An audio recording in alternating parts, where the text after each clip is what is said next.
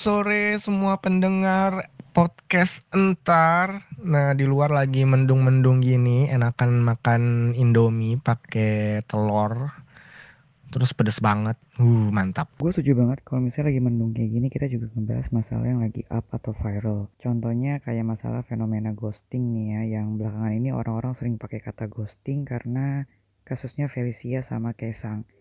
Menurut lu Harley, kalau misalnya ghosting itu terjadi sama lu nih, lu bakal kayak gimana atau pendapat lu soal orang-orang yang ghosting tuh gimana menurut lu?